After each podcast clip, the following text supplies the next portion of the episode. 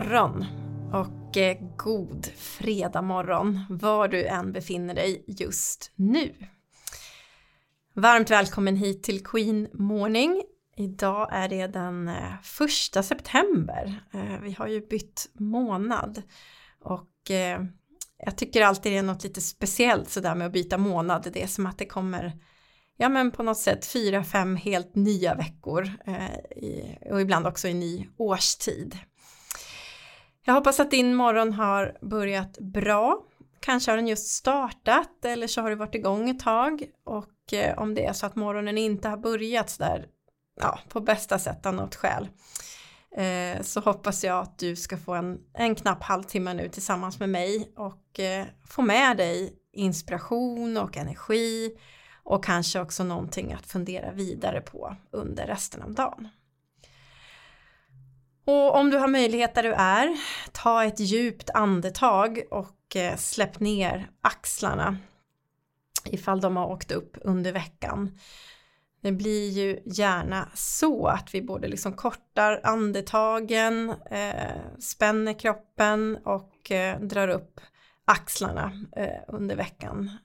Så att det kan vara skönt att släppa ner det så här på fredagen. Jag heter Ann Eberhardsson och jag är grundare av Queen of My Life och jag vill möjliggöra mer hållbar framgång i ditt liv och i ditt yrkesliv. I mitt eget liv och yrkesliv så finns det jättemånga olika områden av hållbarhet och hållbar utveckling. Och det vill jag dela med mig av och stötta dig i som också längtar efter mer hållbarhet. Och eh, Queen of My Life, det är en plats och ett forum för dig som vill använda mer av den potential och den kraft som du redan har inom dig till att bidra till en mer hållbar utveckling och mer hållbarhet i ditt eget liv. För oavsett var du befinner dig någonstans i livet, oavsett vad du jobbar med, vilken ålder du är i, eh, oavsett vad du engagerar dig i eller kanske måste lägga energi på, för vi har ju också saker som vi måste göra, så behöver också du vara hållbar. Och ska vi ha ett engagemang att eh, ja, orka leva men också förändra och utveckla där vi står i livet i stort och i yrkeslivet då behöver vi ta ett ägarskap och ett ansvar för vår egen hållbarhet på ett medvetet sätt. Och det är det vi pratar om här på fredagmorgnarna och eh, kommer att göra också framöver. Och jag brukar säga att vi alla, du och jag och hela våran värld behöver mer hållbarhet. Det kan ingen säga emot. Och eh, det finns ju också bara en som du. Och du behövs i den här världen med allt det du har och den du är. Så därför så behöver ditt liv och ditt yrkesliv vara så hållbart som möjligt och det är det här som jag kallar för hållbar framgång. Har du några meningsfulla mönster eller vanor i ditt liv? Sådana som du helst inte vill vara utan? Sådana som bär dig, skapar strukturer du behöver? Sådana som hängt med dig länge eller sådana som du precis har hittat? Eh, det här med rutiner för att skapa ordning och balans och struktur och säkerställa en viss kvalitet det har ju gjorts i tusentals år genom historien. Och det är ju inte nya begrepp även om vi just nu pratar en del om rutiner och rutinernas betydelse. Jag har vid två tillfällen i livet haft möjlighet att gå i kloster Första gången så var jag en ung journaliststudent och jag har jobbat en massa med massa olika saker i mitt liv. Och eh, genom de lärare som vi hade då, eh, som i sin tur hade kontakter med ett nunnekloster här i Sverige, så åkte jag på en tyst retreat i fyra dagar.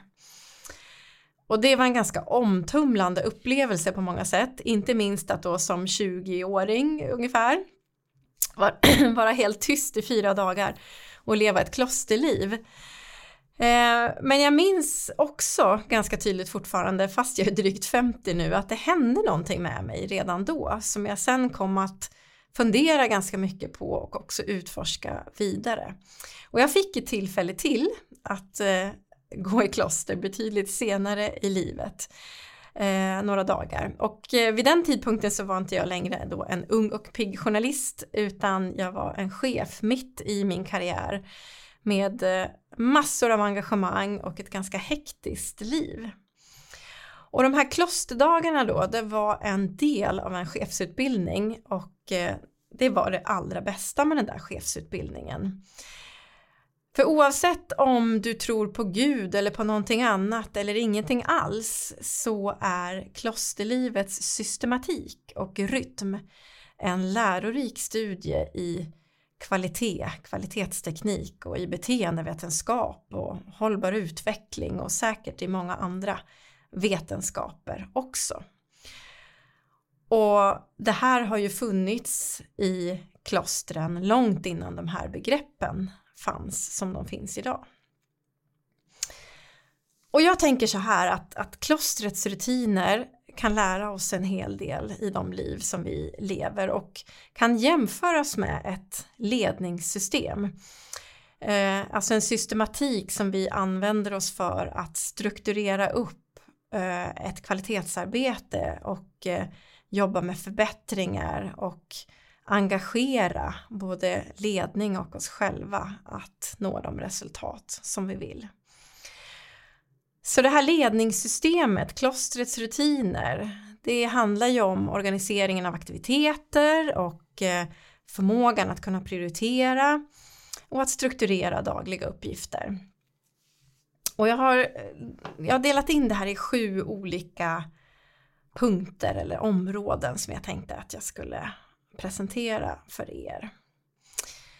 Den första delen då i klosterlivet handlar om ritualiserade rutiner. I klosterlivet så har man ju sina fasta tidpunkter för bön och måltider och arbete. Och på samma sätt så har ju ett ledningssystem ofta då tydligt definierade rutiner och processer för olika arbetsmoment. Och det här hjälper ju till att skapa struktur och effektivitet på olika sätt. Det är alltså återkommande uppgifter eller återkommande händelser som vi gör som är tydligt definierade. Den andra delen handlar om prioriteringar. I klosterlivet så är tiden för bön och andlig reflektion prioriterad. Och i likhet med det här så innebär ju också ett effektivt ledningssystem att organisationens mål och prioriteringar är tydliga för alla som är involverade. Den tredje delen handlar om balans mellan arbete och vila. Klosterlivet betonar ju balansen mellan bön och arbete och vila. Och på samma sätt så strävar ett ledningssystem efter att skapa en balans mellan arbetsuppgifter och tidsramar men också för reflektion och rekreation eh, för att undvika då att man pressar systemet och eh, eh, människorna som ingår det eh, för hårt. Man vill ju hitta så jämna eh, flöden som möjligt för att också kunna jobba uthålligt. Så att här finns ju verkligen, tycker jag, en likhet eh, mellan klosterlivets betoning då på arbete och vila.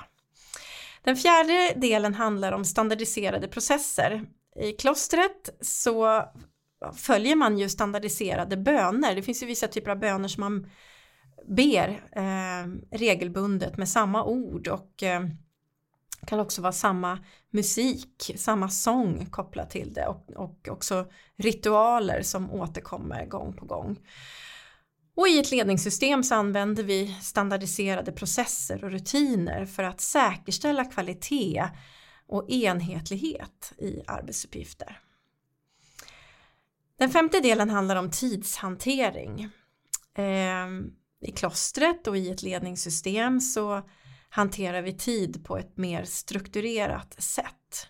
Klostret har sina fasta tidpunkter för exempelvis bön och arbete medan ett ledningssystem där, där använder man ju tidsplanering och tidslinjer för olika typer av aktiviteter och kan ju även ingå att man faktiskt mäter eh, hur lång tid olika delar i processer och arbetsuppgifter och aktiviteter tar för att se om de går att förbättra på olika sätt.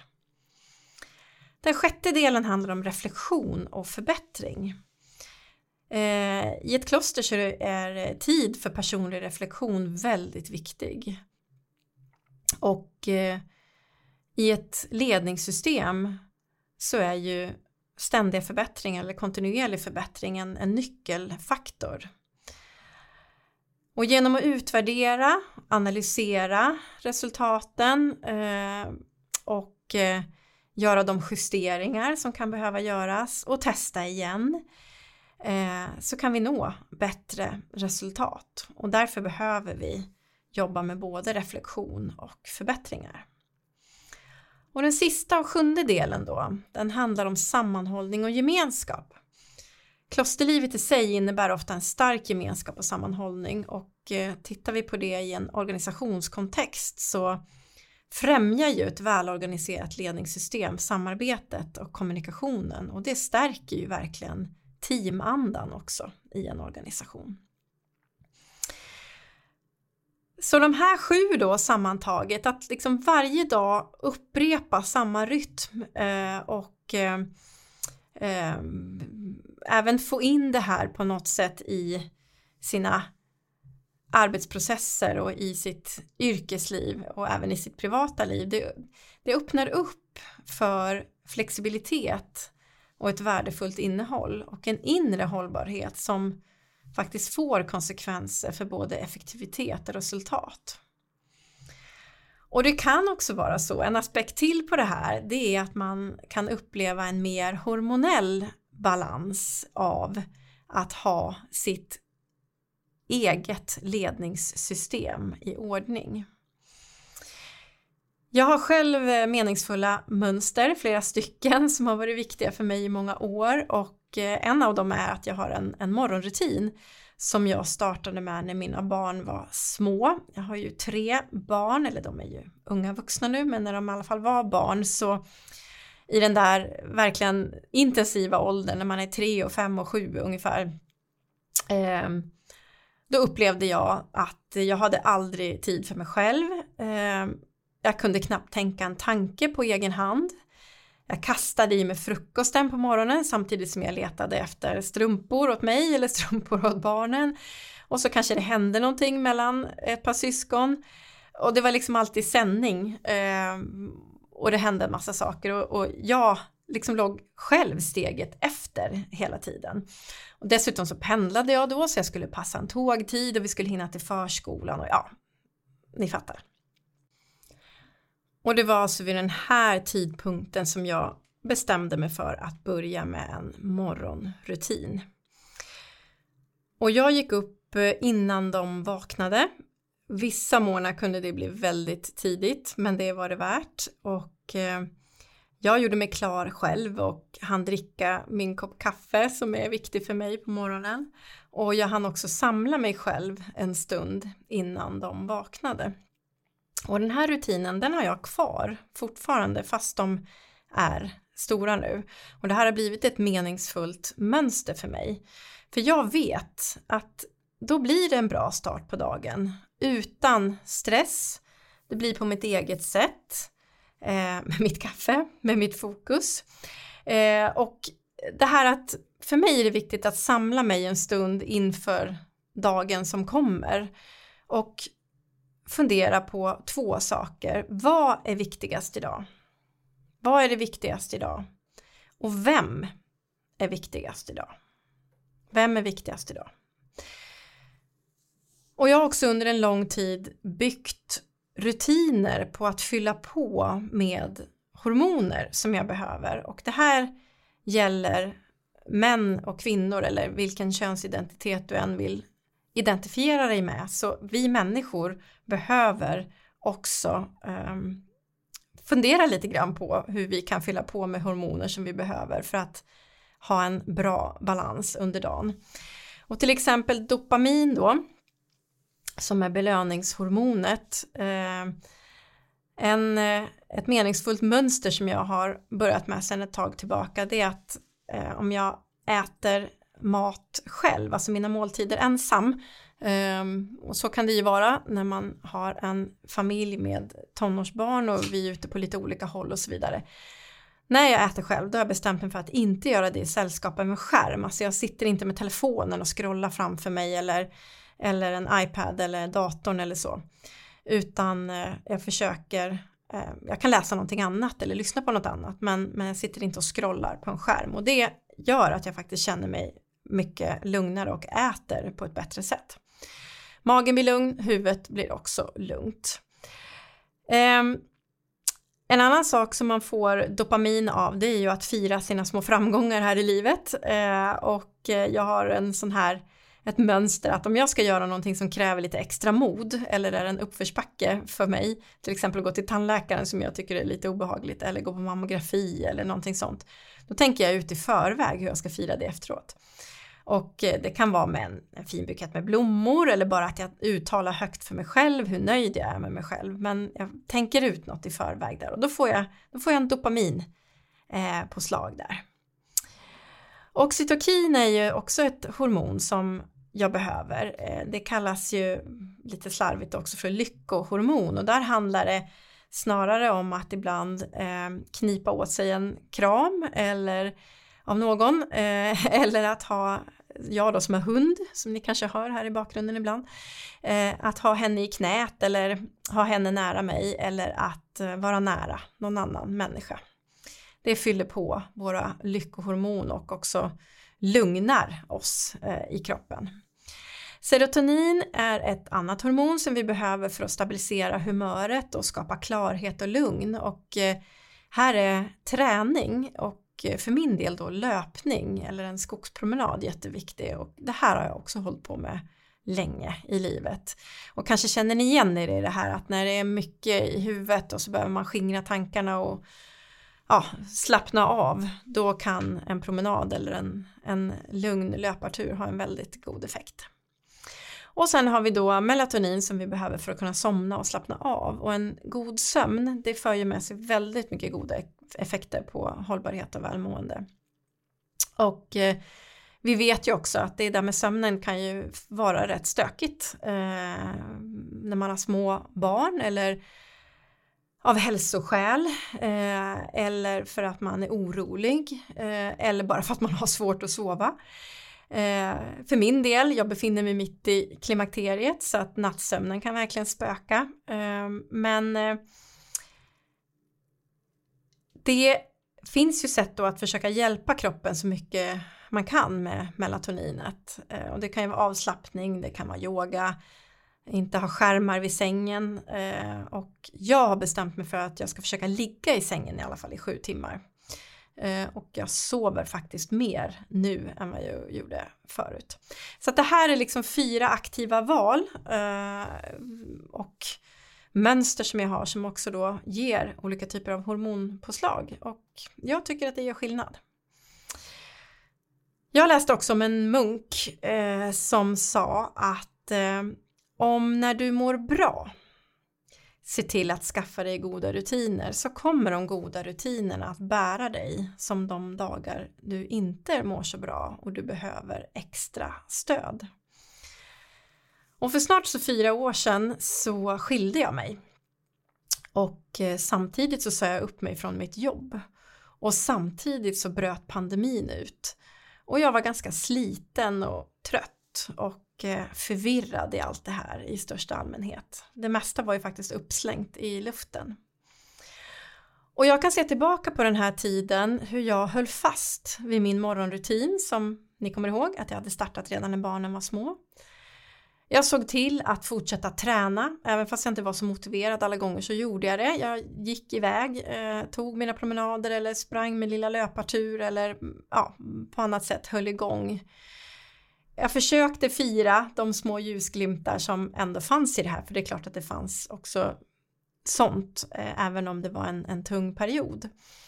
Och jag såg också till att ligga i min säng de här sju timmarna på natt och jag kan verkligen se hur de här rutinerna bar mig under den här tiden. Och eh, det kan jag ju faktiskt också tacka mig själv för så här i efterhand. Men är det inte då jättetråkigt med så mycket rutiner och ha ett sånt inrutat liv kanske du tänker ifall du är en sån som inte har så mycket rutiner och meningsfulla mönster på det sättet för dig. Och jag kan bara tala för min egen del att jag har aldrig känt mig så flexibel, så fri och så lugn som när jag håller mig till de här rutinerna.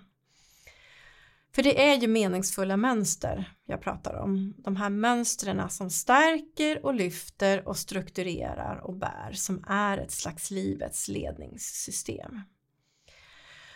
Och om jag tar de här sju områdena igen utan att gå in på dem i detalj så handlade det om ritualiserade rutiner, om prioriteringar, om balans mellan arbete och vila, om standardiserade processer, om tidshantering, om reflektion och förbättring och om sammanhållning och gemenskap.